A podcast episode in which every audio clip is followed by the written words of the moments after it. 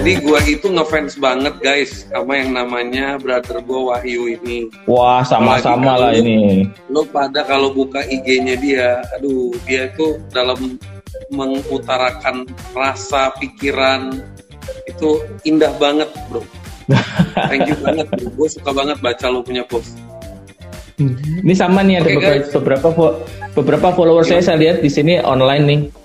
Ini saya kenal yeah. ini Bro Nil Sunil ini, wah saya kenal dulu di dulu kita nggak sengaja ketemu di mana ya Bro? Kayaknya ada acara IMA kayaknya ya. Iya Pertama kali IMA. ketemu ya. Ya, yeah. Indonesia Marketing Association ya.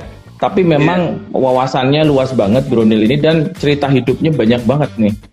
Ini orang yang udah makan asam garam. Kayaknya banyak kan apa namanya? gurih ya jadi ya. Iya. Ada ketua Ardiansyah, woi mantap. Ini senior gue di HIPMI nih. Uh, pebisnis kuliner. Wih, masya Allah. Salam kenal ya semuanya ya pengikutnya. Ini followernya Bro Sunil yang mantep-mantep. Oke, jadi guys, uh, hari ini sebenarnya gue sama Bro Wahyu itu topiknya itu gue akan bicara tentang percepatan transformasi digital versus situasi yang sekarang corona.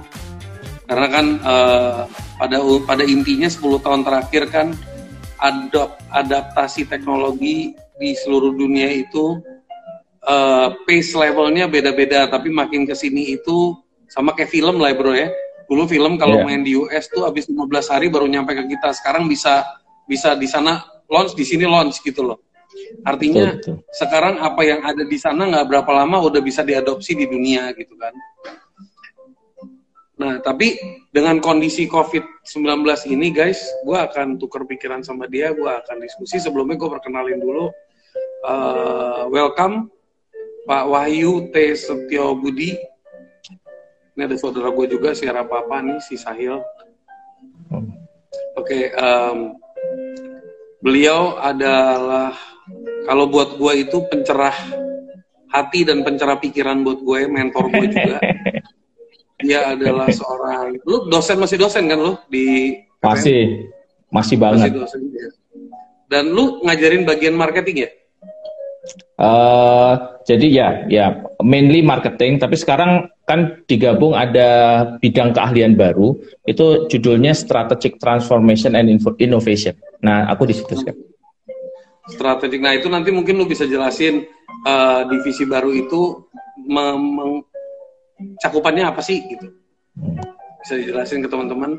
Terus mungkin um, gue pengen tanya sama lu dari pandangan lu gimana sih uh, sekarang melihat orang-orang mendadak yang tadinya biasa ngalur ngidul ketemu sini sana apalagi lu tau orang kayak gue kan yang demennya nongkrong sini nongkrong sana jebret duduk di rumah cuy mati ini asam lambungnya paling kuat tuh Bro Sunil. Karena sehari bisa ngopi berapa kali lo iya enggak enggak. Sekarang udah limited udah limited. Oh ya udah mentok bro. Umur umur bro.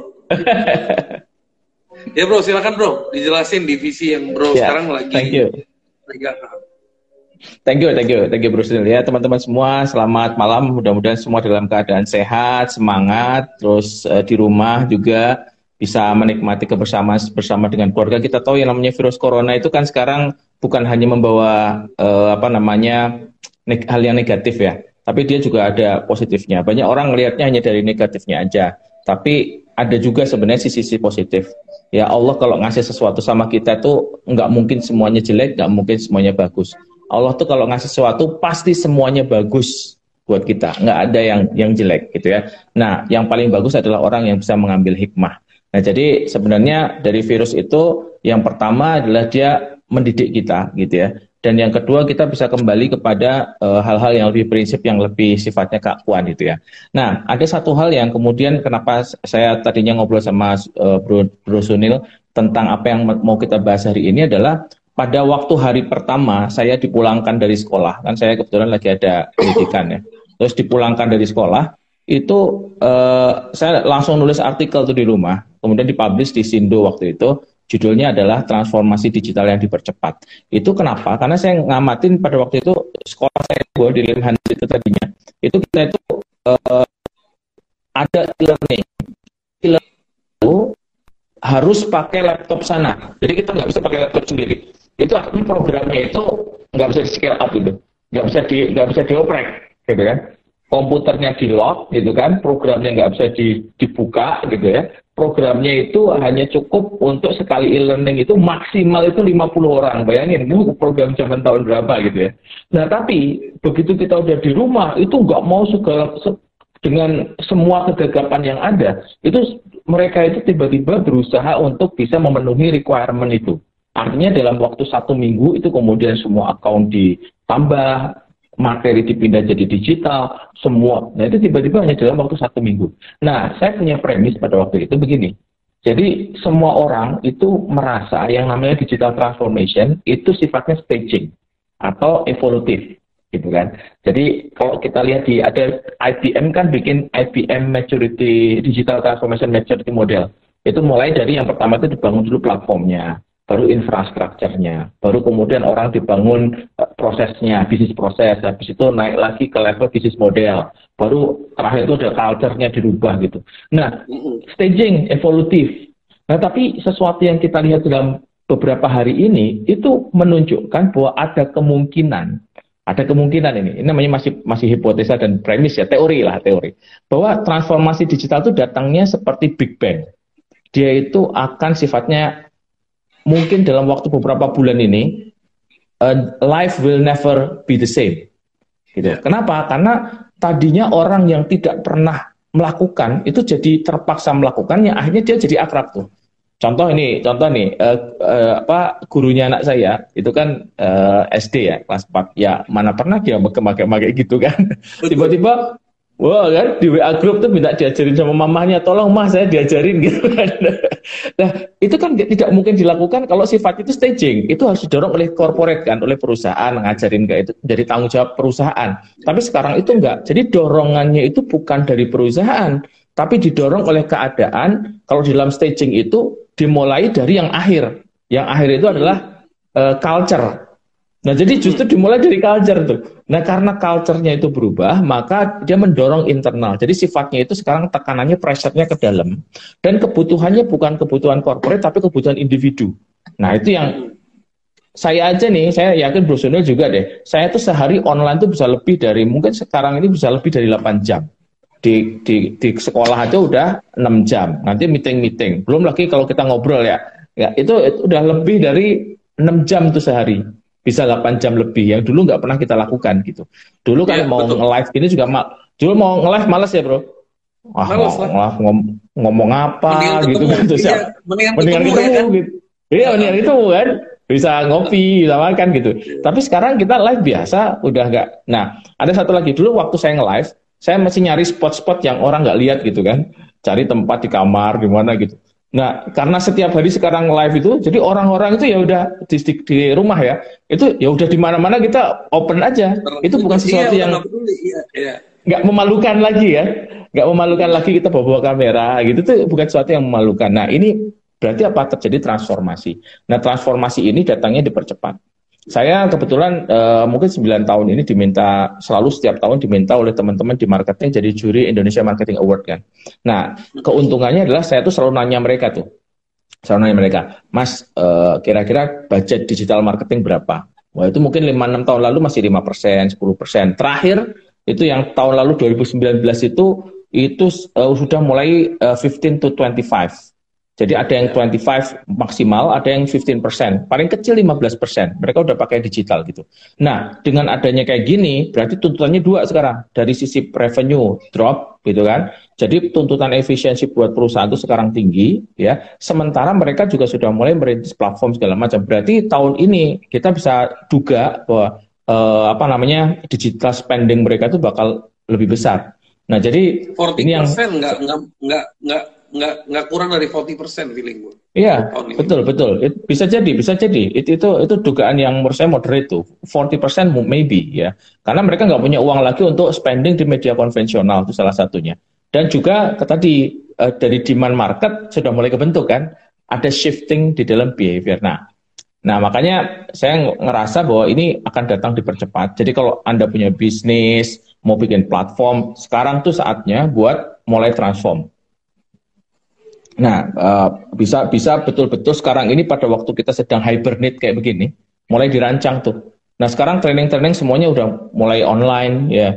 Nah, jadi landscape kompetitifnya itu menurut saya itu nanti akan ber, ber, berbeda gitu dengan sebelum terjadinya ini. Jadi pemain-pemain yang udah besar itu belum tentu dia akan bisa uh, gain the same position seperti yang sebelumnya.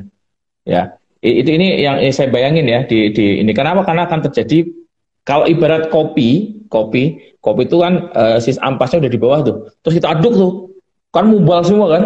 Terjadi chaos ya. Nah sekarang ini kan chaotic environment ya. Itu mumbal semua kopinya ke atas. Nah pada waktu dia nanti ngendep lagi, dia akan pada new normals. Nah pada waktu new normals itulah, ya new normals itu ada terjadinya berarti ada yang tadinya kecil sekarang nggak jadi relevan lagi seperti ini. Nah, ini menarik nih. Kalau kita lihat China ya, China sama Amerika. Zaman dulu orang kalau ngomong mau perebutan geopolitik, ini kalau ngomong geopolitik ya, geopolitik dunia itu, uh, swing ke China tuh hampir sulit tuh. Kenapa? Karena secara persenjataan di dunia ini Amerika tetap number one. Ya, persenjataan tetap number one.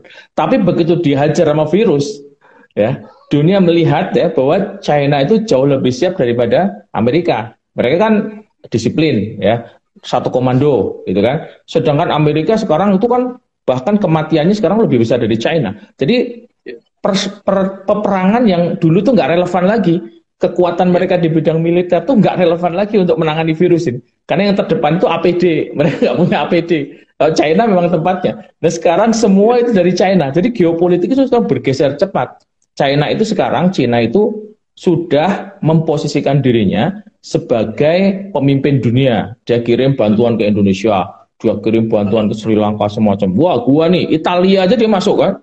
Oh, gua nih yang jangan minta tolong Amerika deh. Amerika itu juga lagi mules gitu kan. Nah, jadi tiba-tiba kok terjadi shifting yang besar gitu. Yang tadinya keunggulan energi nggak relevan lagi. Kekuatan militer nggak relevan lagi. Duit ya masih relevan sedikit-sedikit gitu kan. Amerika sekarang sekarang likuiditas terbesar di China. Nah, jadi yeah. jadi emang ini akan terjadi sesuatu yang yang yang besar. Kira-kira gitu, Bro. Ini ini Bro Surya ini kan udah malang melintang lama nih bidang digital nih. Ma ini nanti yang kayak kayak gini nih nyaingin PPM. Enggak, Bro. Oke, okay, um, ngomong-ngomong tadi gue pengen gue penasaran sama division yang lu lagi pegang sekarang di PPM.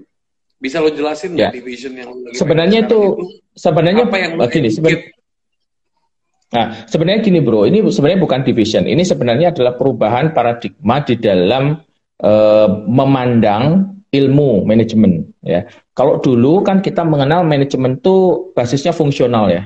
Ada um, marketing, operation, finance, sama human capital, uh, human resource ya, empat fungsi. Semua dibagi berdasar fungsi itu. Nah, tapi dalam perjalanan waktu, pembagian berbasis fungsi itu biasa menimbulkan silo. Orang marketing nggak lihat lagi. Padahal sekarang itu yang namanya masalah di dalam dunia sekarang yang berubah cepat kayak gini, itu masalah-masalah itu uh, multidisiplin. Dia itu pendekatannya nggak bisa hanya satu, tapi dari macam-macam. Nah, kami di PPM itu kita berusaha supaya uh, apa namanya uh, pendekatannya itu lebih cross function Nah, sehingga dulu saya kan uh, ada di Departemen Marketing Management. Mark, jadi ngurusin marketing doang. Ya, ilmu marketing lah. Ya. Nah, tapi ternyata kita punya isu yang lebih besar, yaitu strategic transformation, termasuk di dalamnya digital transformation. Jadi strategic transformation and innovation. Innovation itu jadi satu. Karena uh, di dunia sekarang itu kan yang penting uh, tiga bro. Kalau ada di chaotic environment itu ada tiga. Ya, uh, apa namanya collaboration, innovation sama agility itu tiga jadi ya kunci untuk uh, um, bisa survive dari yang kita sebut dengan digital Darwinism digital Darwinism hmm. itu adalah uh, ini ada adik Tista tuh eh Tista apa kabar nah uh, digital transformation itu uh, kuncinya untuk surviving the uh, chaotic environment itu adalah collaboration uh, innovation sama agility, agility ya Ya. Agility betul. Yang pertama itu kita bicara collaboration. Uh, udah pastilah sekarang kita karena ilmu yang cepat banget berubah, itu kita nggak bisa hebat di semua tempat. Kita hanya bisa hebat di satu tempat yang yang sempit gitu ya. Karena kecepatan ilmu itu luar biasa besar. Nah, eh, kita fokus di kekuatan kita itu penting tuh. This uh, namanya strength based development. Kalau kita pengen mengembangkan diri, fokus pada kekuatan kita. Nah, terus kelemahan kita gimana? Oh, ini perbedaan zaman dulu. Kalau zaman dulu kan, misalkan kita uh, orangnya senang ketemu orang, tapi kita itu uh, nggak bisa detail, maka kita dipaksa untuk belajar detail kan. Nah, tapi weakness kita itu kalau kita dorong hanya di weakness saja, itu hasilnya tiga. Yang pertama lama, yang kedua stres. Ya stres bukan cuma kita, yang latih juga stres, gitu kan. Terus kalaupun iya, hebat, kalaupun hebat itu nggak akan jadi uh, outliers, dia hanya mediocre aja. Jadi orang yang Betul. misalkan punya bakat marketing, bro, punya bakat marketing dipaksa jadi auditor, ya, ya itu dia cuma bisa paling pentok ya cuma mediocre aja, nggak jadi bukan jadi auditor yang nomor satu dunia gitu kan.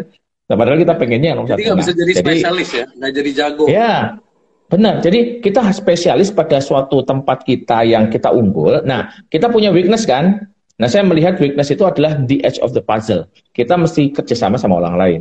Nah, jadi misalkan uh, kayak Brunil ini networknya banyak banget gitu kan. Nah, kita kolaborasi supaya kita bisa menjalin keilmuan yang banyak, baru, tapi juga networknya besar, gitu. Nah, jadi itu, jadi itu yang kita sebut sebagai kolaborasi. Baru innovation, baru agility, kecepatan. Nah, nah innovation ini jadi nomor dua. Jadi tempat kami itu merasa ini sesuatu yang penting untuk di, dipakai ya. Nah, selain dari strategi transformation, kita punya leadership.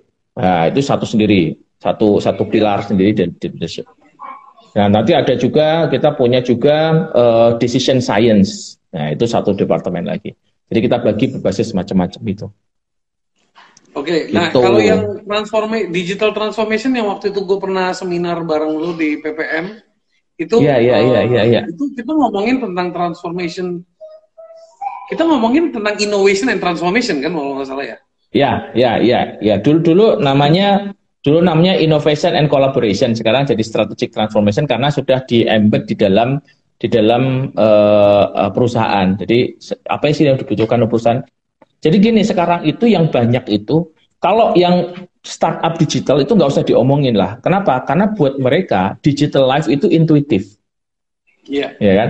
Jadi Betul. jadi kalau misalkan Bro Bro Sunil mulai dengan apa namanya IDAF ya, eh eh, eh apa namanya? Iya, yeah, IDAF. Ya, Idaf sama Kaliber ya, Kaliber itu. Ya? Masih loh, masih. Ya. Mulai dengan Idaf itu, ketika pertama kali dilahirkan, itu dia memang digitally in nature. Jadi dia intuitif. Jadi ngomongin ya. tentang advertising, bisnis proses, platform, ekosistem, itu udah in nature adalah pemikiran startup digital. Jadi nggak perlu kita ya. urusin. Dia malah akan menemukan hal-hal yang orang lain nggak tahu. Nah, tapi yang struktur ekonomi, volume ekonominya paling gede, ya, paling gede dan paling kesulitan itu sebenarnya adalah perusahaan yang existing. Jadi konvensional perusahaan itu dia punya aset, ya, yang tiba-tiba aset itu bisa jadi relevan, bisa jadi nggak relevan dalam waktu satu malam, tuh, ya, dengan adanya digital itu. Nah, itu dia dia kan perlu survive nih. Nah, bagaimana dirinya itu survive di era baru? Nah, itu yang kita sebut dengan strategic transformation tuh.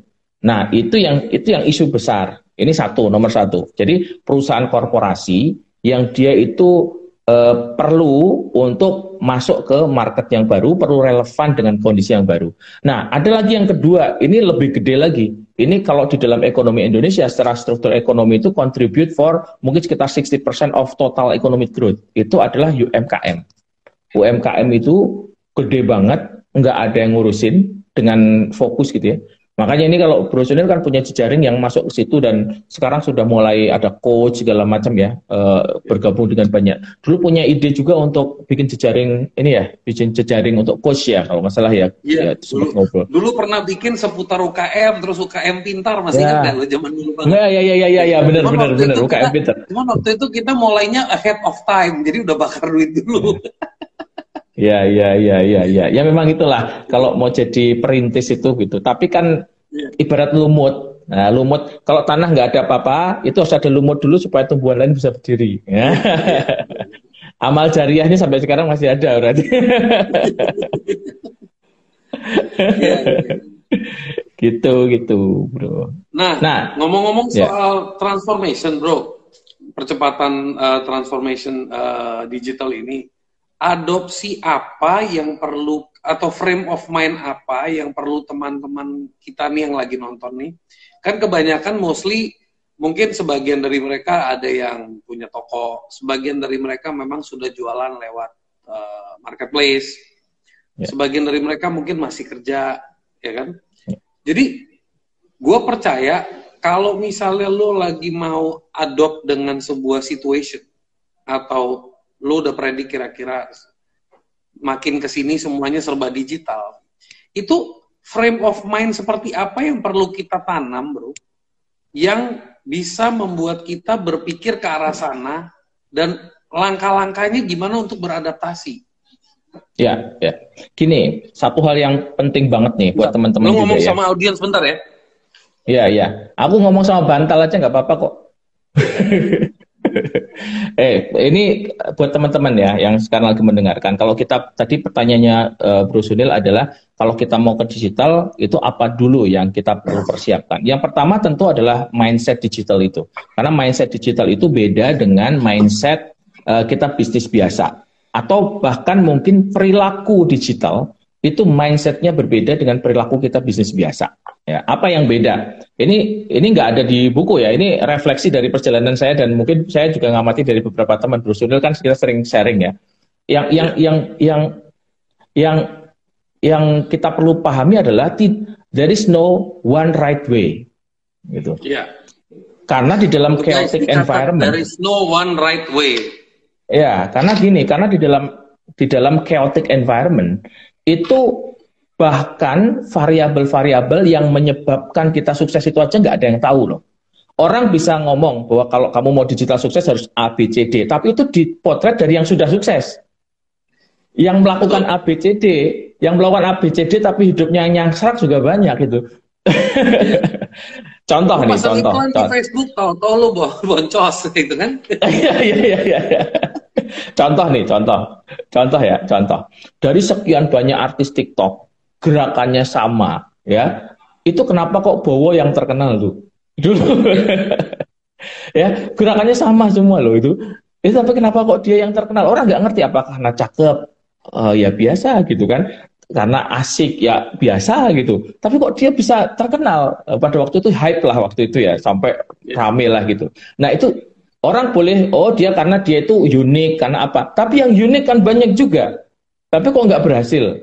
Nah, jadi jadi tidak ada kita nggak ada best practices. Nah, gitu. Ini ini paradigma yang penting di dalam digital tuh. Kalau best practices hanya bisa berlaku kalau situasinya atau konteksnya itu adalah dia uh, kalau konteksnya adalah obvious konteks. Obvious itu adalah variabel sebab akibatnya itu jelas. Itu dia ada best practices. Contoh misalkan pabrik, dia pakai ban berjalan. Nah itu bisa tuh. Kalau kamu mau bikin pabrik bagus, pergi ke pabrik yang paling bagus, contek persis. Nanti bisa hasilnya sama. Nah tapi dalam chaotic environment itu nggak ada. Dia hanya ada novel practices. Kalau dia kompleks environment masih mending. Kompleks itu artinya banyak variabel, ada probability. Itu masih bisa dipredik tuh. Ya, tapi kalau dia sudah variabel yang terlibat saja nggak jelas, itu nggak bisa dipredik. Nah, kalau kompleks kita mengenal ada istilah namanya emergent practices. Ya, sesuatu yang muncul baru, saya contek, itu bisa berlaku buat saya. Tapi tiba-tiba dia berubah lagi, contek lagi berubah, bisa lagi cocok. Ya. Tapi kalau chaotic nggak bisa. Ada yang baru, kita contek, hasilnya itu nggak sama. Iya. Itu namanya, itu namanya chaotic. chaotic. Yeah. Benar. Contoh misalkan, what work for your audience maybe not work for my audience. Kan gitu kan? Betul. Betul. Karena audiens kita itu base-nya dibangun berbasis sesuatu yang beda-beda gitu kan. Sesuatu yang yang cocok buat Bro Sunil belum tentu cocok buat saya gitu kan. Nah, jadi ini yang perlu. Jadi kalau begitu bagaimana? Nah, ini saya kan dulu belajar sama Bro Sunil kan. Eh, gimana sih caranya masuk gini. Nah, itu kan kita pelajari. Tapi ketika kita pelajari kok ada yang cocok, ada yang enggak, ada yang cocok, ada yang enggak. Akhirnya kita menemukan formula sendiri. Nah, yeah. dalam digital itu yang dilakukan mesti itu berbuat. Yang penting itu kita jalanin terus kita belajar. Iya. Ya, ya. Jadi kalau mau masuk then learn, improve. Iya, betul. Jadi improve terus. Nah, itu konsep agile kan sebenarnya gitu ya. Kita jalanin aja. Jadi ini yang paling penting jangan mencari uh, one right way, but uh, find your own way. What yeah. uh, uh, uh, works well for you and for you only. Ya. Jadi kira-kira gitu. Jadi kalau siapa pun yang akan masuk ke digital, ini yang menjelaskan begini bro. Kalau kita lihat ya, eh, contoh brand besar aja, brand besar. Brand besar itu misalkan contoh ambil Pepsodent, misalkan gitu ya. Pepsodent itu brand legendaris sudah lama, tentu dimiliki juga Unilever, perusahaan yang sangat kuat di Indonesia dengan budget yang uh, sky's the limit lah. Mungkin dia nggak punya budget marketingnya mungkin udah nggak bisa kehitung gitu ya. Ya, itu followernya berapa tuh di IG? Paling bisa dihitung puluhan ribu paling gitu kan, nggak sampai ratusan ribu, yeah. bahkan mungkin ribuan gitu kan. Yeah. Tapi kalau misalkan kayak siapa ya, uh, Lucinta Luna aja misalkan gitu, itu udah jutaan tuh, bisa bisa tujuh juta atau berapa juta gitu ya. Nah artinya apa tuh? Dia kan nggak punya budget khusus, tapi kok dia bisa sampai di level itu? Nah berarti artinya ada sesuatu yang berbeda. Apa bedanya? Untuk beberapa orang digital itu hanya dilakukan saja. Terus kemudian dia belajar dari apa yang dia lakukan. Ya, yang cocok buat dia apa. Tapi kalau kita pakai pendekatan korporat yang dulu strategik, oh, external analysis, internal analysis, opportunity, strength, weakness, KSF, SWOT, gitu kan. Selesai nggak jalan juga tuh. Nah itu paradigma digital, betul. Itu paradigma digital tuh. Makanya gue kalau lu ngomong begini gue jadi ngerti kenapa UKM itu adalah kontributor terbesar. Hmm, gimana tuh? Karena UMKM itu mikirnya nggak nggak sedip kita bro. Yang penting jalan wae. Cuman problemnya mereka memang in terms of comfort zone. Misalnya gue udah jualan hmm. A, ya udah. Gue nggak gue nggak bakal mau mikir berat-berat lagi karena gue udah nyaman di sini. Gue nggak mau mikir gimana caranya gue rapiin packaging gue, gue scale up production gue, dia antara nggak punya tenaganya, kedua nggak tahu ke siapa. Gitu itu kan. hidupnya nikmat banget tuh bro. Iya makanya di satu sisi hidupnya nikmat, lu ngomongnya dalam banget sih bro. Tapi di satu sisi ya kan beda gitu kan. Ini ada yang nanya nih, industri apa saja yang akan lebih mudah untuk mengadopsi, mengadop digital mindset ini? Apa tuh bro? Gini ya, industri itu konsep industri itu di era baru ini lenyap tuh, nggak relevan. Jadi kita dulu pernah punya, iya, iya, iya. Jadi gini, konsep industri itu kan muncul dari Porter ya. Porter itu sekitar tahun 70 sekianan itu. Itu dia punya buku judulnya uh, Competitive Advantage. Itu pertama kali dia mengemukakan analisis Porter, analisis industri. Nah, industri itu didefinisikan sebagai kumpulan dari Eh, perusahaan sejenis. Maka landscape industri itu perlu dianalisis ya menggunakan lima daya tawar, tekanan, tekanan. Nah, itu itu konsep industri itu dari Porter. Nah, tapi Porter itu punya beberapa asumsi supaya dia bisa jalan. Ya, yang pertama harus ada yang namanya industri. Ya, ini namanya analisis industri. Kalau industrinya nggak ada, nggak bisa dipakai, gitu kan? Nah, industri kan kelompok usaha jenis. Pertanyaannya sekarang, kelompok usaha jenis itu sudah nggak relevan lagi. Contoh misalkan kita ambil Gojek. Gojek itu industrinya apa itu? Logistik, oh dia nggak punya armada, ya kan? Transportasi, oh dia nggak punya sopir, nggak punya nggak punya apa namanya uh, vehicle, ya kan? Finance, iya juga dia ada GoPay, ya kan? Dia GoPay ada, ya terus GoFood, eh, makanan dan segala oh, macam. Mungkin industri, mungkin industri bukan finance. Kalau dibilang industri perbankan, kagak dia nggak punya bank. Iya, nggak gitu. punya bank, gitu kan? Nggak punya bank. Artinya finance iya, gitu kan? Lah kalau dia ngomongin finance-nya, dia bersaing sama OVO, bersaing sama Telkomsel Cash, bersaing sama uh, Mandiri Imani dan seterusnya kan. Ya. Terus kalau misalkan yang logistik, dia bersaing sama JNE, bersaing sama. Artinya ngaco kan industrinya itu. Jadi nggak ada artinya industrinya dia itu kan platform. Platform itu tempat orang exchange value. Nah, jadi konsep industri itu di dalam era digital ini jadi tidak relevan lagi. Ya, jadi kalau tadi mengatakan industri apa yang akan bagus itu mungkin ada dua. Yang pertama in, konsep industri itu mungkin sudah nggak lagi tepat. Yang kedua industri itu sekarang berubah cepat naik turun naik turun naik turun gitu. Airlines itu airlines itu dua tahun lalu itu mantap tuh. Mantap tuh airlines. Wow, turis lagi gencar-gencar, pemerintah lagi ngedorong ada KEK e ya, kawasan yeah. ekonomi khusus pariwisata dan semuanya orang mau terbang dikasih benefit. Woi mantep tuh dua tahun lalu. Wih dua bulan langsung drop free fall. Yeah. Ini ini semua perusahaan semua perusahaan airlines meranggas. Iya betul. Saham ancur-ancuran. yeah, nah jadi jadi industri itu sangat agile uh, yeah. sorry gini, bukan agile. Ibarat ibarat kayak air itu dia itu sekarang itu liquid banget tuh.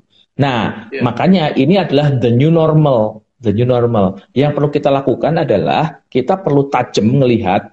Udah nggak usah ngomongin industri mana karena itu artinya kita mencari the right way. Yeah. Kalau lu punya ide, lu punya ide kerjain aja. Nanti yeah. dilihat jalan, nggak jalan tarik lagi. nah, jadi model Betul, betul. Nah, nah makanya belajar dari Bro Sunil yang kadang-kadang banyak ruginya itu kalau bikin bikin bisnis itu cash base kalau bisa.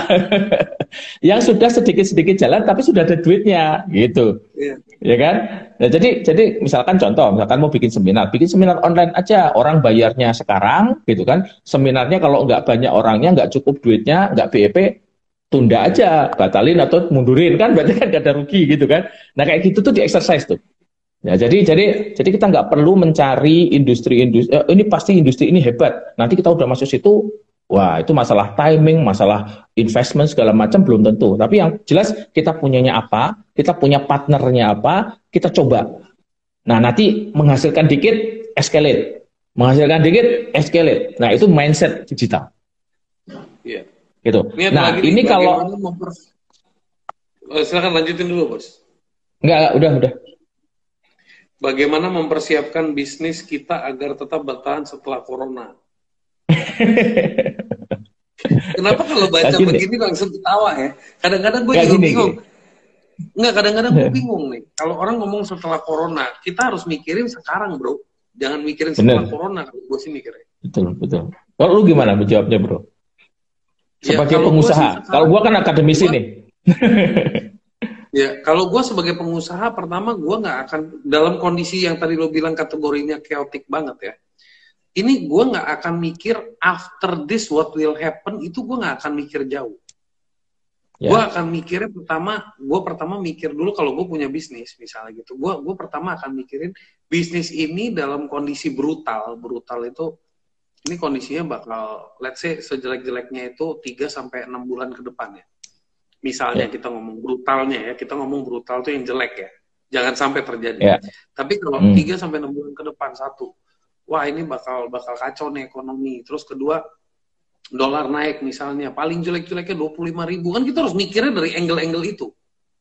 Nah begitu udah berani yeah. mikir secara brutal seperti itu, langsung apa yang paling dibutuhin sama orang sih? Oh yang dibutuhin sama orang adalah either dia butuh lapangan pekerjaan or dia butuh opportunity di mana mereka menawarkan services or they butuh to learn new skills. Mereka butuh to learn new skills karena other people need help. Kita kalau misalnya punya skillnya kita bisa. Dan kadang-kadang you make money from lazy people.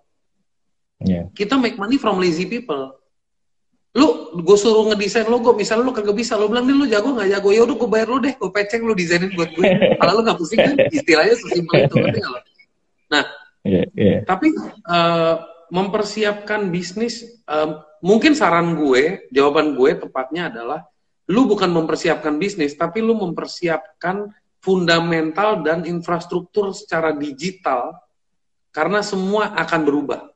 Semua akan berubah. Yeah Ya. Udah nggak ya. udah nggak ya. sama lagi. Itu jawaban gue. Hmm.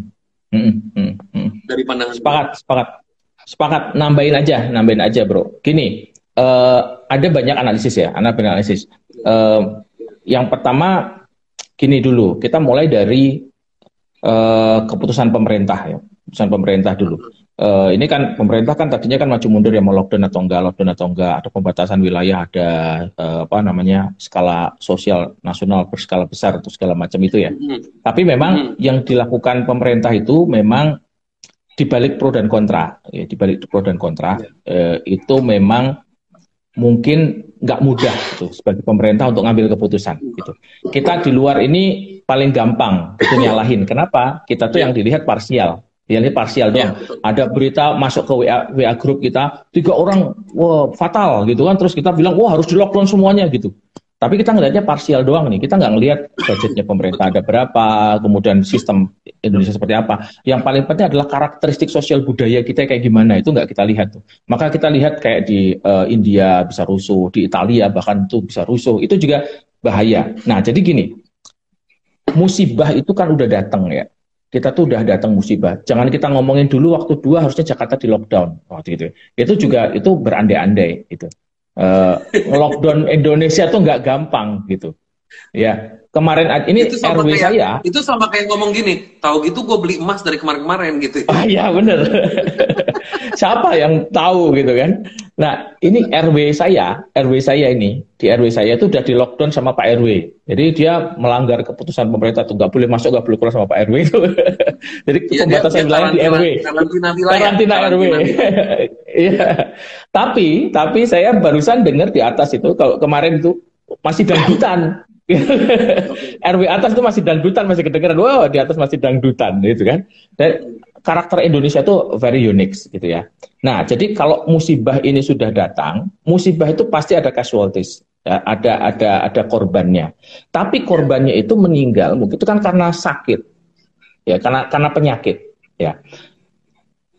Kalau kita menanganinya salah, itu yang terjadi kalau sampai terjadi chaos, ya rusuh, itu bukan cuma yang sakit itu. Yang sakit tetap tetap korban. Nanti ada korban karena ekonominya krisis, karena politiknya krisis, karena ada konflik horizontal, karena ada apa apa namanya apa itu penjarahan, nanti ada sentimen antaras muncul lagi kayak ya, gitu. Betul. Itu itu ada tambahan casualties lagi, bukan cuma yang sakit, tapi ada yang meninggal yang lagi bukan karena itu. Ya. Yang nggak sakit jadi sakit.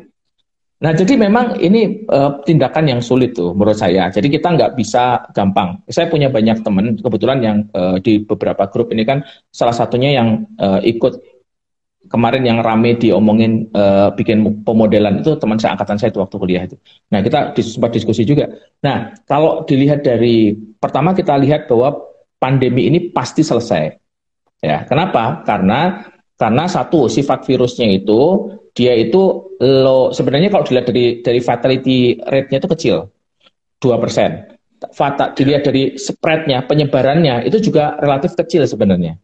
Ya, yeah. dibanding dengan polio, dibanding dengan Ebola apalagi gitu ya. Apa SARS, MERS dia lebih kecil.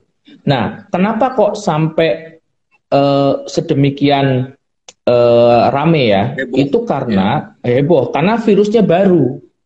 Iya. Karena virusnya baru, maka nggak ada orang yang punya imunitas. Ya, kalau biasa kan kalau yang baru masih caper virus itu, yeah. gitu kan. Jadi kalau yang kena itu banyak, korbannya juga banyak karena dua persen dari satu juta itu berarti kan dua ribu, gitu kan. Nah, yeah. jadi itu fatalitas itu terjadi karena dia belum dikenal oleh tubuh. Nanti kalau sudah banyak yang terpapar, maka ada namanya herd immunity. Herd immunity artinya orang-orang yang imun akan menjadi penyekat dari pertukaran itu. Itu iya. kira-kira 60 to 70 persen. Kalau 60 yeah. sampai 70 persen orang itu sudah punya imunitas, virus itu kan mati sendiri itu. Kenapa? Karena dia nggak yeah. punya tempat untuk nyebar. Nah, yeah. sampai di situ berarti kan dia pasti akan berakhir, gitu kan. Yeah. Jadi sikap mental kita tadi saya sempat uh, setuju dengan Bro Sunil, ini pasti ada endingnya, pasti ada iya. endingnya, gitu kan. Nah, jadi pertanyaannya adalah endingnya kapan? gitu kan. Nah ini para ahli sudah melakukan pemodelan. Ada minimal lima lah, lima orang ahli yang bikin pemodelan. Uh, dari UI ada, dari ITB teman-teman saya ada, ada yang dari uh, kalau dari Inggris itu juga adik kelas saya di matematika. Ada beberapa pemodelan lah ya. Rata-rata yang yang sebagian besar ini relatif similar, satu agak beda. Yang yang beda itu kalau nggak salah dari UGM. UGM itu lebih optimistik, tapi tiga itu relatif similar. Dia punya tiga skenario. Skenario pertama itu adalah kalau uh, dia diketat. Apa istilahnya itu uh, distancing itu ketat. Orang nggak keluar semua dikasih makan dan sebagainya. Itu endingnya itu kira-kira uh, uh, sorry puncaknya itu Mei. Ya. Jadi kalau gitu ke sananya sampai Q2 Q2 akhir itu sudah beres. Nah kalau skenario kedua itu kalau dia uh, kayak kita ya masih ngopi-ngopi tapi sudah mulai sepi gitu yeah. pemerintah pemerintah itu punya uh, inisiatif untuk ngasih penggelontoran sekitar 405 triliun itu untuk menginjeksi supaya ekonomi itu balik lagi. Itu hmm. dia akan sampai ke Q2 awal atau hampir Q2 akhir. Nah kalau dibiarin tanpa kontrol itu bisa sampai Q3 atau sampai Q4 jadi udah udah ada skenario. Nah jadi kalau kalau kita uh, apa namanya berbicara itu pasti endingnya itu di uh, di season itu. Nah sekarang begini, McKinsey punya McKinsey dia launching dia punya uh, prediksi ya dia punya prediksi ada tiga tiga ini apa namanya tiga tiga skenario. Yang pertama itu adalah uh, quick recovery. Quick recovery sama relatively similar. Kalau quick recovery itu dia kaitkan sama uh, growth uh, dunia. Kalau quick recovery itu dia dunia tertekan sekitar dua setengah persen sampai dua persen. Pas sekarang kan tahun lalu kan tiga persen. Nah ini kira-kira satu persen turun quick recovery. Kayaknya sudah nggak mungkin quick recovery karena Enggak. di Italia sudah parah, Spain parah, Amerika parah gitu kan. Ya. Nah jadi no, nomor dua adalah uh, apa namanya dia uh, uh, global uh, sorry uh, dia adalah global slowdown Ya, global slowdown itu kira-kira sekitar eh, dua uh, satu satu setengah sampai dua persen. Ya, nah yang ketiga itu uh, recession dunia pandemi and recession itu dia setengah persen, setengah persen kira-kira sampai dengan satu persen. Nah, ini sudah ada skenario nya. Nah, antara mungkin yang terjadi adalah global slowdown sama uh, sama yang satu persen. Nah, oke. Okay. Ya. Betul. Nah tapi itu semua skenario itu hanya berbasis pada penyebaran virus. Nah saya punya versi saya sendiri nih. Saya punya versi saya sendiri. Saya punya versi sendiri itu saya bikin jadi dua kuadran. Yang pertama itu kita bicara mengenai uh, uh, spread in pandemic. Spread in pandemic itu ada dua sisi ya. Yang pertama itu adalah dari sisi uh, pandemiknya itu sendiri. Yang kedua adalah dari sisi kemampuan pemerintah untuk dua hal. Yang pertama mengontrol pandeminya. Yang kedua adalah untuk menginjeksi ekonomi supaya balik lagi. Nah ini ada ada dua nih. Karena sekarang ini yang dijanjikan itu baru janji, baru alokasi dana, gitu kan, 405 triliun, gitu kan. Nah, duitnya dari mana belum belum kelihatan. Nah, nanti ada yang dipakai untuk penanganan korban, infrastruktur, uh, kur, terus uh, pajak, insentif pajak, relaksasi dan seterusnya. Itu itu adalah kemampuan pemerintah. Jadi asumsinya pemerintah bisa melakukan itu kita lihat dari satu dimensi. Jadi ada yang namanya fast, ada yang slow. Oke. Okay? Nah, sekarang kita bicara yang dimensi bawahnya. Dimensi bawah itu adalah shift in behavior. Nah, ini belum pernah dipikirin orang. Shift in behavior adalah apakah after pandemi orang sama perilakunya dengan sebelum pandemi. Ya kan? Nah, sekarang gini, ada kemungkinan Nah, ada kemungkinan beda, ada kemungkinan juga nggak, makanya skenario ya. Mungkin yang kita anggap uh, tadi ya transportasi, transformasi dan dorongan cultural itu bisa jadi hanya di level menengah ke atas aja, yang bawah enggak kan bisa juga ya. Nah, jadi ini masih skenario. Jadi kalau di sebelah kanan dia itu uh, apa namanya big shift, yang kiri dia small shift. Berarti kita punya iya. empat yeah. uh, apa namanya skenario ya. Ya ada yang mungkin tetap sama itu uh, sorry pandeminya itu lambat slow jadi nggak bisa cure uh, slow recovery-nya dan dia tidak ada big shift. Uh, sorry uh, cepat dan nggak ada big. Saya cepat aja dia namanya hiccup aja kayak cegukan ya. Hmm. Besok balik lagi kayak biasa gitu kan. Orang Indonesia kan gitu ya, ya uh, pokoknya uh, rame terorisme aja nyate gitu kan, jadi jadi bisa jadi itu bisa juga terjadi skenario pertama ya, ya. Ada juga skenario yang kedua itu maraton. Maraton itu bakal lama sampai dengan akhir tahun masih kerasa virusnya, uh, slowdown masih kerasa lama, tapi perilaku konsumen nggak berubah, perilaku orang nggak berubah. Itu bisa jadi ya. Ada juga yang mungkin cepat recovernya. Dugaan saya sih medium ya. Pemerintah ini cepat menurut saya uh, karena satu uh, nampaknya yang di balance itu adalah stabilitas ekonomi. Nah, ya. jadi kalau misalkan antara antara cure apa antara penanganan uh, uh, wabahnya dengan stabilitas ekonomi, walaupun balance ini kayaknya lebih berat ke ekonomi. Jadi ya. jadi mungkin istilahnya gampangnya yang sakit ya memang udah musibah lah gitu. Tapi ekonomi kalau bisa jangan sampai lebih banyak lagi ya, orang yang ya, sakit ya, gitu kan. Sampai dua-duanya ya betul betul betul. Nah, jadi kayak informasi itu benar-benar dijaga tuh dikontrol ya. Jadi kalau saya rasa derajat fatality index di Indonesia yang sampai hampir 11 persen itu bukan karena fatality-nya tinggi, tapi karena mungkin di situ ada informasi, entah kitanya nggak bisa lihat atau pemerintah yang ngatur gitu lah. Nah, yeah. mungkin ya, tapi ini nggak belum tentu benar juga ya. Nah, jadi jadi ini semua jadi adalah, ini semua adalah adalah assumption assumption. Assumption, dia bukan prediksi. Ini namanya skenario. Nah, kalau kita bisa paham skenario, kita bisa mencoba sepanjang waktu untuk terus menguji. Ini skenario kita yang mana? Kan kita punya dugaan di awal. Dugaan saya sih uh, terjadinya fast, ya, tapi dia uh, uh, ada shift behavior. Jadi menurut saya itu ini Indonesia ini bakal cepat, nggak akan sam mungkin mungkin Q2, Q3 awal itu sudah mulai balik lah kira-kira gitu. Yeah. Kalau saya sih optimisnya, feeling, ya. Feeling gue, gue juga feelingnya begitu. Nah, tapi ada shift in behavior. Jadi kalau di dalam format saya itu, di framework saya, saya sebut itu Ninja Warrior. Ninja Warrior itu kan tahu kan, gamenya kan lompat-lompat-lompat sampai sana selesai gitu kan. Nah, jadi kita mesti agile, kita harus membuka diri kita untuk membuat suatu format baru di dalam bisnis, ya. Tapi ini perlu dilakukan cepat. Makanya kalau kita sekarang di rumah, itu jangan diem. Sama kayak Bro Sunil nih, anda pikirin nanti kalau saya masuk, saya mesti siap gaspol gitu.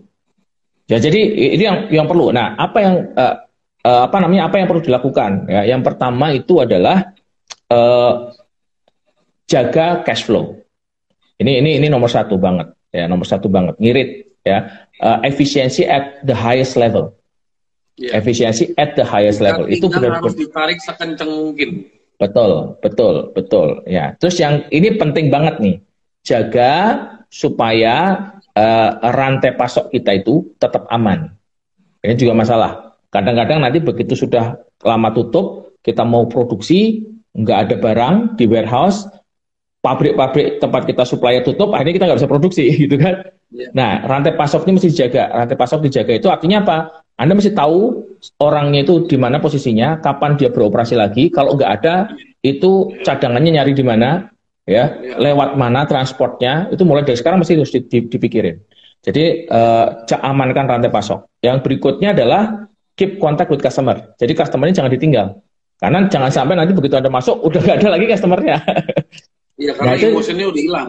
Ya emosi hilang. Jadi ikatannya masih dijaga. Jadi selama kayak gini nih tetap di kontak tetap di ini. Terus tanyain rencananya nanti gimana pak? Bapak mau buka lagi kapan? Ya gitu ya. Nanti barangnya mesti gimana? Saya mesti siapin di mana dulu. Jadi kita sebagai komunitas ini sepanjang distribution uh, outbound eh, external outbound ini outbound logistik ini kita tetap kontak empathize empathize. Jadi kita juga ngerasa ini kita satu komunitas ayo kita gerak bareng nah ini ini yang yang juga penting jadi nah terus kemudian mulai pikirkan tadi kata Bruce Sunil tadi, transformasi digital, kalau kita mau empowering digital teknologi itu di mana? Mulai dari sekarang tuh. Nah, sehingga nanti betul-betul ketika pandemi after itu mulai jalan, Anda udah siap. Nah, siapa yang masuk ke ke uh, arena duluan kan punya advantage ya. Jadi kalau Anda bisa nyolong-nyolong duluan masuk, itu mantap tuh. Gitu. Ini ini ini gue nyempil aja ya. Tadi gue baru ngobrol ya. sama temen gue tadi siang, eh, tadi sore gue habis ini habis uh, zoom Hmm. Terus gue terus habis itu gue ngobrol sama temen gue. Terus gue bilang, Menteri Pendidikan kita hokinya mantep banget ya. Jadi, lo ngerti maksud gue ya? Eh, Menteri Pendidikan kita hokinya mantep banget ya. Jadi dari satu sukses, oh ya benar juga ya. Sekarang, kondisi seperti sekarang, everybody is using Google yeah. Classroom, everybody yeah, is yeah, using. Yeah. Ibu gue guru men, jadi dia bisa nanya sama gue, gimana gue pakai Zoom, gimana gue pakai Google Classroom Now you can imagine dalam waktu yang sedemikian rupa. Ini kita lagi ngomong dari sisi positif, guys. Um, jadi uh, perubahan shift yang terjadi, at least dalam dunia education, itu udah gokil sekali yang gue lihat. Kedua, dan ini ya bro, dan ini ya bro, di di istilahnya di departemen pendidikan tuh semua orang tuh ngelihat dia doang yang bisa ya. Yes. Kekuatan dia tuh pas gitu. dia orang sempat meragukan mana mungkin lo belajar online. Nanggap nggak? Waktu yeah, itu yeah, sangat, yeah. sangat heboh tuh dari DPR dan sebagainya. Tapi dengan hmm. kondisi seperti ini terbukti gitu loh. That it works gitu loh. Iya, yeah, iya. Yeah. Dan gue ngelihat lagi, um, yang lu ngomong tadi benar banget bro. Jadi dalam kondisi seperti ini, uh, apa sih uh, nikmat yang sedang ada di yang kita lagi alami? Itu konten bertebaran, so many konten bertebaran, so many good hmm. contents bertebaran. Oke, okay? And um, ya, kayak lu tadi bilang, ya kan kalau dulu kalau mau bikin live kayaknya harus mikir yang nampang dulu lah, belakang hmm. backgroundnya gimana. Sekarang cek-cek bebek aja mau gimana juga. Yeah. Ya udah, yeah. my myself gitu kan. Nah, which is menurut gua keren banget karena itu itu satu yang gue perhatiin. Yang ketiga yang gue perhatiin adalah gua kan sekarang lagi consulting di salah satu national group company lah. Nah, itu dia punya karyawan itu 2.500 karyawan bro. Dan buat dia hmm. bikin keputusan work from home itu Wih, keren ya? itu berat banget. Sampai bosnya ngomong sama gue nih gue bilang gue sih mentok tiga hari feeling gue bro. Habis itu masuk aja. Gue gue sampai nggak yakin. Tapi tapi kita tes. Jadi kita bikin tiga hari work from home. Terus habis itu kita extend tiga hari lagi. Habis itu kita extend seminggu lagi.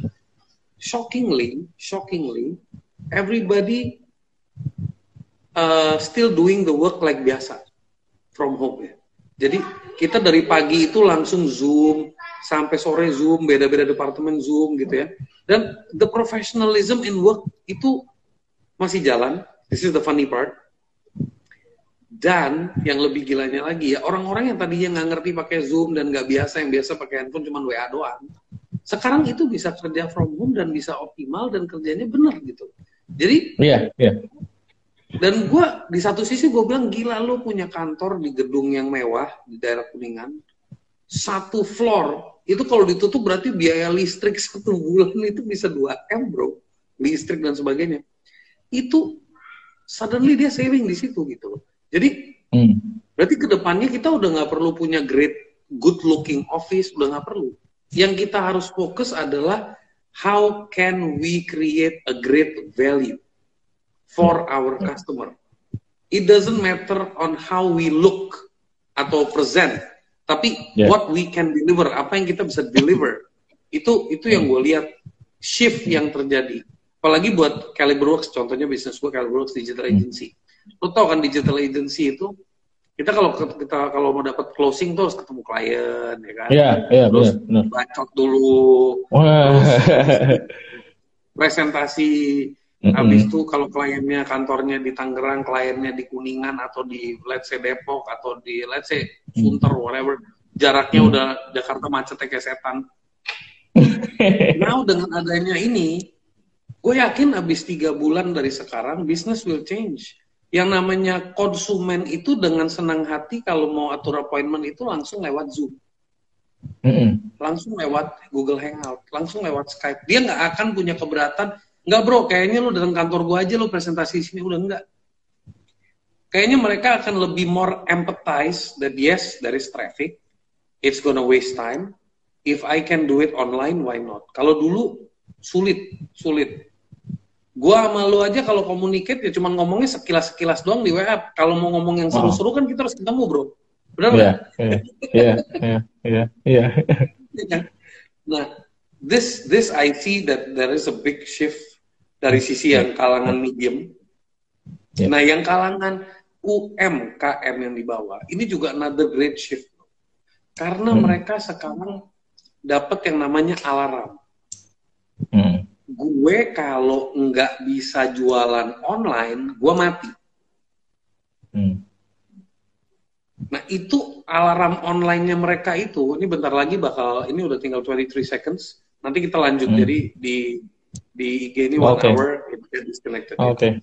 So, alarm itu udah mulai awaken. Jadi gue yakin dengan banyaknya orang-orang yang berkontribut ke education, ini akan ada perubahan juga. Hola. Ah, welcome back. Emang kalau kita potong putus itu, itu yang komen sebelumnya hilang ya? Iya, komen sebelumnya hilang. Tapi yang komen oh. sebelumnya gue ingat pertanyaannya dan pertanyaannya udah lo jawab sebenarnya dari Wih, penjelasan lo itu. Udah, udah, udah, udah, udah lo jawab karena dia nanya ada yang nanya uh, si Aslam kalau nggak salah dia nanya soal gimana strategi untuk uh, apa dari sisi digital marketing. Tapi di satu sisi dia bilang dia punya ilmu ilmu apa ilmu silat jalanan, jadi dia belum punya planning dan sebagainya. Dan lo udah hmm. jawab hmm. kalau lo harus prepare. Hmm. jadi udah terjawab. Bro, ini oh. tapi keren banget ya kayak gini memang kita jadi lebih gampang ya, maksudnya uh, diskusi sama sama banyak orang ya. Iya. Dan dan gue tuh memang bikin sharing seperti ini karena gue kemarin tuh ada nggak tau lah, gue cuman kepikiran aja. Gue sempet waktu work from home itu gue sempet banyak ngobrol sama teman, orang seliweran banget ya dengerin detik.com, dengerin Kompas, dengerin ini, dengerin itu. Gue gue sampai bilang gue udah stop baca-baca begituan. Gue mendingan baca uh, papers. Buku. Maksudnya buku ya? bukan buku baca yang papers beneran. tentang corona itu researchnya gimana, trade hmm. virusnya gimana mungkin itu lebih baik buat gue mengetahui itu daripada gue ketahui hari ini 1.200 orang positif meninggal 300 mati. Aduh gue kalau dilihatin itu lo kayak ngeliatin saham bro. Terus ada ini ya, ya, ya suka mewek ngelihat ada dokter di depan itu tiba-tiba hoax. Ya, nah itu. Ini temanya uh, percepatan transformasi digital versus corona Oke okay guys, so uh, welcome back Pak Wahyu. Tadi kita lagi ngomongin itu, jadi gue lagi cerita tadi bahwa uh, gue kenapa merasa shift itu akan terjadi di UMKM juga dan sebagainya. Ada teman-teman juga di Surabaya sekarang lagi dengan gencar mengembangkan aplikasi-aplikasi pos buat para warungers, para uh, gue sampai ketawa gue itu sama si boy, boy satu lagi tuh boy teman ya, kita. Ya, bip, bip. Ya, itu sama si Pinpin udah dulu udah dua tahun atau setengah tahun mau bikin aplikasi buat warteg lo tau gak sih itu ada ide yeah, yeah, yeah. gila aja kita lagi duduk yeah. jadi dan um, kadang-kadang itu some crazy ideas come when you are not prepared like gue bilang soal yeah. UKM dan sebagainya yeah. jadi um, dengan kondisi sekarang gue ngelihat lu kita nggak punya hak untuk mempredik apa-apa kecuali mempersiapkan diri yang gue tahu pribadi buat gue ya, buat diri gue ya. Itu di momen-momen seperti ini, kita kalau terlalu santai kita bunuh diri. Tapi kalau kita bisa menggunakan waktu dua minggu untuk percepatan mempelajari skill baru, itu akan berguna buat kita. Ya. Yeah, yeah. Dan gue lihat ya. kayaknya yang namanya uh, in the next one year or two years, itu the rise of video and virtual reality is gonna be at the peak. It's hmm. gonna be at the peak. Because begitu orang udah mulai nyaman di rumah, udah mulai nyaman uh, di kantor tapi nggak usah ketemu banyak orang, semuanya lewat laptop atau lewat phone. Presentasi semua lewat laptop. Itu nanti yang dibangun experience-nya, Bro. Iya, yeah, benar, yeah. Jadi seolah-olah hmm. lagi meeting tapi virtual backgroundnya lagi di coffee shop, virtual backgroundnya hmm. lagi di mall, gitu kalau. Yeah, dan yeah. dan itu menurut gua akan terjadi, just ya namanya juga nebak-nebak manggis ya. Iya, yeah. skenario uh, teori kan boleh aja ya. Iya, jadi yeah. gua ngelihat itu semua positif sekali dan itu akan terjadi. Yes, yang lu bilang tadi ingat, soal industri gue bro, banget. Hmm. Ingat nggak dulu kita pernah bikin podcast ya? Iya, ingat banget. Iya ya. Nah, podcast podcast itu di awal-awalnya bagus loh. Tapi sekarang bener banget lo bilang tadi kan, nanti video bakal jauh lebih uh, istilahnya lebih populer ya, karena ada experience, ada engagement ya kan, dibanding dengan podcast itu podcast sekarang ya boleh boleh di apa namanya boleh kita eksplorasi juga karena kan ketika kita bikin video kan bisa sekalian oh, podcast yes. juga ya. Tapi yes, ternyata yes, betul, betul. ternyata video memang agak lebih cepat naik. Betul. Iya. Dan podcast juga punya audiensnya sendiri, bro. Sama kayak radio, yeah. kenapa masih hidup? Benar. Iya. Benar. Jadi benar. ada orang yang memang maunya itu mendengarkan. Ini ngomong-ngomong nih, Bro Wayu dulu ngerjain gue. Jadi gue tuh sebenarnya datang bertemu sama dia mau ngopi, kangen sama dia langsung dia sambil ngomong dia buka laptop. Bro, kita podcast kalian ya. Siapa gue mau ditodong. Tapi bagus loh itu, bagus loh. Uh, yang dengerin banyak loh. Iya percaya. Thank you so much. Jadi ya gitu. Jadi um, gue ngelihat sih, uh, gue bikin sharing-sharing seperti ini nih ke teman-teman karena gue yakin um, yang kayak lo bilang, gue sih udah di otak gue udah nggak peduli deh audiens gue karakternya kayak gimana, audiens orang karakternya kayak gimana, gue udah nggak peduli. Yang gue pikirin sekarang adalah gini, kemakin lama yang pada work from home, kalau nggak punya willpower, nggak semua orang punya willpower ya, nggak semua orang punya willpower, nggak semua orang punya kesadaran that you gotta wake up, it's a wake up call, nggak. Jadi hmm. mereka akan nyampe ke zona galau, bro. Zona galau, hmm. zona nyaman, nyaman dalam kegalauannya. Hmm. Jadi gue sangat agresif bikin-bikin undang-undang lolo pade teman-teman gue, gue todong-todongin, ayo bareng sama gue. Itu sebenarnya tujuannya even satu orang aja dapat wake up call. Misalnya dari video hari ini satu orang aja dapat wake up call, itu buat gue dia satu orang ini bisa nge-wake up 10 orang. Hmm. Dan itu akan menjadi positif pandemik buat gue. Jadi dalam yeah. kondisi kayak begini, ya kalau kita nggak begini gimana lagi? Who else? Uh, who else? Uh, not every. Jadi kedua ya concern terhadap orang-orang yang memang ekonominya nggak se-comfortable kita ya bro. Ya. Itu yeah. gue tadi lihat show-nya Mata Najwa itu sebentar. Itu ada satu Gojek dia sempat viral. Iya, yeah, yeah. yang dia, yang, yang ini kan ya dia tutupin. Ya, ya. Oh, benar-benar. Jadi um, yang bikin gue gedek tuh kadang-kadang mau berita itu kan yang negatif-negatif itu selalu di blow up banget karena itu uh, apa um, di blow up in uh, sebentar gue ke disturb sama tulisan wake up in terms of what wake up in terms of I have to do something about my life itu maksudnya jadi not too much worry about what is happening now but be concerned. Apa yang harus gue prepare for the next. Gitu. Uh, kembali ke yang ojol tadi itu. Jadi gue lihat uh, itu ngebangun di saat ini yang kita perluin empathy. Yang perlu kita tune in empathy kita. Jangan sampai kita ke sliver jadi simpati. Kalau udah masuk ke simpati udah mampus kita kita bawaannya lemes tapi kalau empathy menurut gue compassionnya dapat love-nya dapat kita mencintai sesama manusia dan sebagainya tapi kalau udah simpati, aduh kesiannya, tuh si ojek kesiannya. Jadinya kita tuh malah looking down, you know, instead of leveling and feeling the pain, gitu. And a lot of people are getting out of jobs as well. So, America udah 6 million people, man. Oh. In just one month. 6 million people is out of job, bro. Di sinilah menurut gua uh, tadi gue sempat ngepost di Facebook juga that inilah momen kita mengapresiasi teknologi. Kalau bayangin lo sama gue lah kalau kejadian ini di tahun 98 aja kerusuhan 98 bro. Iya iya serem tuh. Terus makanya kemarin lockdown kalau kita harus lockdown sebulan di tahun segitu lo mau ngapain bro? Kagak ada ya. nih begini-begini kagak bisa. Kemarin ngobrol sama kemarin ngobrol sama anak saya kan pak oh ya itu kan kenapa nggak di lockdown aja pemerintah nggak saya bilang ini kalau udah di lockdown nih kita udah jaga di depan bawa samurai kayak dulu ingat ya betul betul. Di komplek kan gitu dah orang-orang pada bawa samurai di depan komplek kan. Jagain dan 98 tuh kan. Iya.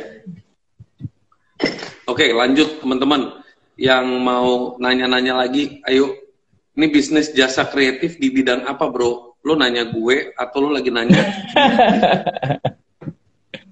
Karena gue nggak Mungkin bisa kasih tips untuk membangun bisnis jasa kreatif di era Oh dia lagi jawabin, oke oke. Nah inilah gue suka nih teman-teman di sini kadang suka komunikasi sendiri dan itu gue suka banget. Oke. Ini orang yang nanya. Oke, siap, siap, siap. Oke, teman-teman yang punya pertanyaan, silahkan. Jadi lu sekarang work from home udah dari tanggal berapa, bro lu? Wah, wow, udah lama. Saya lebih dua minggu lah. Dua minggu. Dua minggu. Tiga, tiga mingguan lah. Tiga minggu. Sempat ada momen kayak, aduh, nek nih gue di rumah terus. Ada gak sih momen-momen kayak gitu? Enggak sih, enggak. enggak. Ya? Kalau saya main banyak lama sama anak-anak. Tadinya kan gini, sebenarnya ini uh, sesuatu yang nggak bisa dipredikkan. Tadinya kan saya mesti harus masuk asrama itu kan eh, enam uh, bulan. Jadi yeah. saya udah oh, iya, pamit-pamitan iya, tuh. Lu kan ikut itu. Uh, iya. Ya kan, jadi udah pamit-pamitan tuh. Wah, anak saya sama istri saya udah sedih tuh. Kita nggak ketemu enam bulan ya sama ayah, gitu kan. Udah pulang, berangkat kan. Tiga hari pulang lagi. Sekarang nggak keluar-keluar sampai tiga minggu. Dan itu, itu, itu, itu ya, kita tuh nggak pernah bisa ngelihat loh apa yang ada di depan kita itu, bro. Bener, saya sepakat sama bro. Yang penting itu kita lakukan yang terbaik pada setiap saat. Terus kita berprasangka baik karena yang namanya Allah tuh nggak bakal ngasih kita yang itu nggak bagus. Ya, jadi kita udah siap-siap bakal nggak ketemu tapi ternyata ketemu terus setiap hari even not even ke kantor gitu kan. Iya kan? Ya. Ini ada pertanyaan nih, apakah virtual office akan menjamur? Ya, iya ya. Kalau tadi asumsinya akan terjadi shift in behavior, mestinya itu. Sebelum itu aja kan udah ya. Sebelum ini loh, sebelum yeah. sebelum kejadian ini kan itu kan udah ada co-working space, udah mulai orang bikin-bikin kafe yeah, untuk co-working space. Itu sepanjang Cikini itu sekarang banyak banget co-working space. Yeah. Jalan-jalan Cikini itu yeah, kan, itu kan udah sebenarnya. By the ya, way, Cikini ini... itu tempat gua sama Wahyu suka nongkrong. Jadi. Yo eh, yo eh. Makanan banyak di sana. Okay. Nah itu itu kan terus ya bagaimana yang, ini apa aja skill yang needed for future selain skill empathize? Oke, okay, um, Daniel Chong, uh, empathize is a soft skill. It is fundamentally needed as a human being. Um, tapi kalau ngomongin for future, um, Bro Wayu ada insight sebelum gua jawab? Uh, macam-macam ya. Mungkin mungkin kalau saya klasifikasinya gini dulu. Yang pertama ada untuk bisa perform ya di, dan kita earning ya perform dan earning itu minimal kita butuh kira-kira itu ada tiga skill yang utama. Yang pertama itu personal skill. Kita harus bisa manage diri kita sendiri. Tadi termasuk yang tadi Brusonel udah bilang dan anda bilang tadi ya uh, perlu empathize itu adalah personal skill. Kemampuan kita untuk kita sendiri ya. Yang kedua professional skill.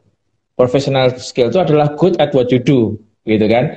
Kalau anda misalkan dokter ya dokter yang bagus gitu ya. Terus kemudian apalagi ya kalau anda jadi uh, content creator ya konten anda difference, unik, bagus, punya nilai emosional yang tinggi sehingga orang itu mau viralin gitu kan. Itu professional quality.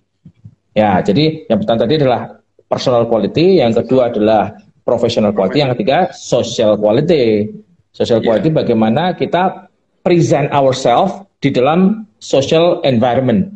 Jadi ada buku judulnya Social Intelligence jadi kemampuan kita untuk bisa menebak ini konteks sosial kita kayak gimana, terus kita bisa present ourselves appropriately di di lingkungan itu. Itu adalah skill tuh, skill. Yeah. Nah, uh, nah itu itu itu penting. Jadi ada tiga itu ya. Nah tadi yang pertama kalau kita bilang personal quality-nya itu ya self discipline, gitu ya, inisiatif, terus kemudian creativity, inov, bukan kreatif aja tapi innovation ya, karena kreat, innovation itu adalah kreatif yang bervalue, gitu kan. Jadi itu kayak innovation itu penting. Itu. Terus kemudian kalau professional quality tentu ada lebih tahu di bidangnya. Kira-kira kalau Bruce pasti lebih banyak. Gue jawabannya nggak sekeren dosen gue ini. Gue jawabannya lebih saku gitu kan. Jawaban gue itu kalau lo lagi mau nanya, gue cuma memisahkan soft skill sama hard skill. Jadi top 3 skills yang lu sangat perlu secara soft skill itu lu harus tahu yang namanya communication skill. Lu harus tahu yang namanya leadership skill. Sama lu harus tahu yang namanya closing skill. Menurut gue. Jadi lu harus punya sales skill. Sales. Ini tiga skill utama yang akan bikin lu survive dalam hidup. Tiga skill, another one which is hard skill, ya what misalnya if you if you love music and you can create music you can sell background music. If you love drawing you can sell uh, you love graphic design you can start selling jasa graphic design. If you are good at business uh, or risk management or uh, management or marketing lu bisa mulai bantu orang dari sisi itu as a consultant atau apa. Jadi you gotta develop more than one skill in terms of hard skill for you to grow. Because the world is changing. Everything is changing. Semua changing. Gue dulu banget jualan tamagotchi lo orang pada yang pada dengar video gue dulu. Ya dari dulu gue di tamagotchi sampai gue bisa mikir selevel ida affiliate marketing itu kan crazy shift gitu kan. Dari mana pedagang trader sampai ke mana gitu. Jadi uh, you gotta, you, tapi all that fundamentally-nya oh gue itu punya social skill yang oke okay nih. Gue gue bisa networking gue bisa communicate sama orang gue bisa jualan ke orang. Nah ini ini soft skill ini adalah menurut gue 70 sampai 80 persen dari survival lo sebenarnya. Karena lu lu mungkin nggak bisa graphic design tapi kalau lu bisa ngejual si desainer punya kerjaan ya lu masih make money. Karena awalnya gue dulu bikin web design company juga bukan punya gue. Gue outsource ke orang berarti kan gue dia kagak bisa cari klien yang kaliber tinggi gue cari yang besar misalnya gitu nah itu skill sih menurut gue yes, ini sebenarnya yes. nah, bro bro lu pernah ya. nonton ini gak uh, Breaking Bad di Netflix. Of course, one of my favorite. Nah, nah, gini kan Breaking Bad itu kan sekarang ada prequelnya. Uh-huh. Nah, prequelnya itu. Oh, yang prequelnya. Uh, jadi gini, si si siapa si White White uh, siapa uh, Walter White itu kan ketika uh-huh. dia nge ngecuci duitnya itu, itu kan ada pengacara kan, namanya si yeah. Saul Goodman, ya yeah. Saul Goodman kan. Nah, si yeah. Saul Goodman. Nah, ini ada ada film judulnya Better Call Saul. Itu cerita tentang perjalanan hidupnya si Saul Goodman ini. Oh shit. Wah, it, itu re recommended banget tuh. Lu nonton tuh di okay. Netflix tuh. Eh, tapi aku lihat ratingnya kecil banget, yang nonton dikit banget. Padahal itu filmnya bagus banget. Nah itu di situ ada ada cerita tuh. Gimana cara dia itu men meniti karirnya, mulai dari dia pengacara. Dia tadinya me, apa itu uh, kayak siapa ya kayak kayak kayak penjahat receh gitu loh suka nipu-nipuin orang gitu terus diangkat jadi penjaga ruang mail room yeah. tukang dorong surat gitu kan terus yeah. nah terus dia ikut jadi ujian pengacara segala macam wow itu lu tonton tuh bagus tuh itu historinya dia ya berarti ya iya okay, iya good. iya keren. itu keren tuh keren Ini nah itu nanti sekalian ngejawab tadi sekalian jawab teman-teman tadi jadi memang ya. uh, di samping segala macam uh, set of uh, kompetensis yang baru di era baru, tetap ada yang set of kompetensis yang itu sudah menjadi standar supaya kita itu profesional quality kita itu perform baik gitu. Sama kayak gini, walaupun ada batu bacan yang harganya itu 80 juta tapi kemudian besoknya hilang, harganya turun lagi, itu yang namanya batu safir, itu tetap mahal, benar nggak? Iya, betul. Jadi ada ada set yang memang ada set of kompetensi yang memang dia itu perlu ada terus mau gimana berubah juga. Yeah. Contoh apa? Yeah. Self discipline. Self discipline yeah. itu self discipline itu mau eranya kayak gimana itu tetap harus dipunya itu. Benar. Ya orang orang milih belajar daripada ngegame doang seharian penuh gitu. Kayak ngegame boleh cuma jangan seharian penuh kali ya. Iya yeah. kan? Nonton Netflix maraton gitu kan. Ya boleh, hmm. tapi jangan terus setiap hari kayak begitu, itu kan harus ada waktu untuk memaksa diri kita untuk tadi kata kata Bro Sunil tadi memaksa diri kita untuk uh, apa upgrade ya ourselves sehingga tadi kita punya senjata lebih banyak gitu. Self discipline itu harus ada. Gitu. Siap. Gue baca ya bro, ada pertanyaan nih bro. Ketika WFH jadi sebuah tren di masa depan, gimana caranya kita maintain quality hubungan antara manusianya? Soalnya kalau secara virtual gimana pun nggak akan sama dengan ketemu face to face. Iya, yeah, ya. Nah gini, uh, boleh nggak? Ini ini menarik nih, menarik. Justru ini sebenarnya yang kita bicarain tadi, ya. Yeah. Ada banyak, ada banyak hal, ya, yang kita kita bikin jadi barrier, ya. Tapi sebenarnya barrier itu kan gini ya. Uh, kalau di marketing itu kita kenal ada istilah itu namanya uh, price performance attribute. Jadi gini, yes. kalau ada new product development, ya, uh, saya punya produk nih, saya mau nganalisis, kita mau lihat analisisnya dia dibandingkan sama new uh, uh, substitusi, substitusi. Yeah. Nah, produk substitusi itu sebenarnya adalah produk yang memenuhi needs yang sama dengan produk yang beda. Nah, kan ini pasti ada plus minusnya dong, ya. Substitusi yeah. itu nggak mungkin sama persis kan. Nah, substitusi itu pasti ada bedanya. Nah, perbedaan substitusi itu dikompensasi dengan harga. Kalau dia perbedaannya dia lebih baik, baik harganya lebih mahal. Kalau dia lebih fungsinya sama tapi lebih murah. Ya. Nah, kalau dilihat dari tadi tatap muka itu itu pasti beda sama tatap muka langsung. Tapi secara waktu lebih cepat. Tahu sendiri Jakarta kayak gimana ya? Kalau ya. Anda naik kereta ya, mau nanti macam-macam, belum rugi waktu, capek, panas. Kita buka sehari di rumah udah bisa ketemu sama 5 10 orang. Kalau kita jalanin beneran belum tentu dua orang sehari kan. Nah, jadi itu akan dikompensasi tuh. Sesuatu yang berbeda itu, yang kita nggak nyaman itu, nanti nggak jadi penting lagi. Nah itu tadi yang kita sempat bahas itu ada customer shift itu tadi. Tadi kalau Sunil ke Bro Sunil bilang kan kalau ketemu klien sekarang bisa kayak gini aja. Kemarin saya lima kali rapat pakai begini sama klien nyantai gitu kan. Mereka juga seneng gitu ternyata sambil goler-goleran gitu. Tadinya kalau wah mesti manner kan ke tempat klien, iya, batik gua gitu. Sekarang sononya ngelomprot, kita juga ngelomprot gak apa-apa. Karena yang udah main ini intelek ya, ya yang main. Ya, jadi serangkaian itu akan berubah tuh. Akan ada berubah, ada ada yang berubah serangkaian apa namanya serangkaian uh, uh, atribut yang dulu penting sekarang jadi nggak penting. Itu sama seperti konsepnya bisnis model canvassing ya. Bisnis uh, sorry uh, uh, no no no, no uh, uh, uh, blue ocean kan, ya yeah, blue blue ocean strategy. Yes. Blue ocean strategy kan cerita uh, sirkus kan, sirkus yang di Prancis itu kan. Ya tadi sirkus itu mesti ada apa namanya, mesti ada hewannya. Lama-lama ada orang bikin sirkus orang doang gitu kan. Apaan nih sirkus apaan? Kagak ada hewannya gitu kan. Tapi akhirnya ya, orang menerima itu sebagai suatu new normality. Nah, jadi kayak gini ini nanti jadi new, normality. Oke, okay, good. Terus bro, yang selama ini untung kayaknya harus bantuin yang hancur bisnisnya. UMKM dibantu sama yang gede. Dengan arahan yang gede. Gitu bisakah? Itu sedang lagi dibuat gerakannya bro. Jadi kita lagi buat gerakannya, saya dengan teman-teman yang lain sudah lagi mempersiapkan sebuah gerakan untuk mempersiapkan jaring untuk menyelamatkan UMKM dan mau me, udah memikirkan sampai ke sana sih. So yes, itu akan terjadi. Personal Bro, quality, professional, ah gimana? Ini uh, sorry ya, saya cuma bisa sampai eh, lima uh, menit lagi ya, dua dua tiga puluh ya. Okay. Soalnya ada dokumen saya mesti persiapkan buat besok.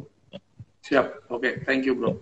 Thank you for your time. Kalau begitu, gua, Wah, gua skip dulu pertanyaan-pertanyaan yang lain uh, mungkin nanti gue akan bikin sesi seminar pakai Zoom biar teman-teman bisa oh, lebih mantap. lebih ini ya.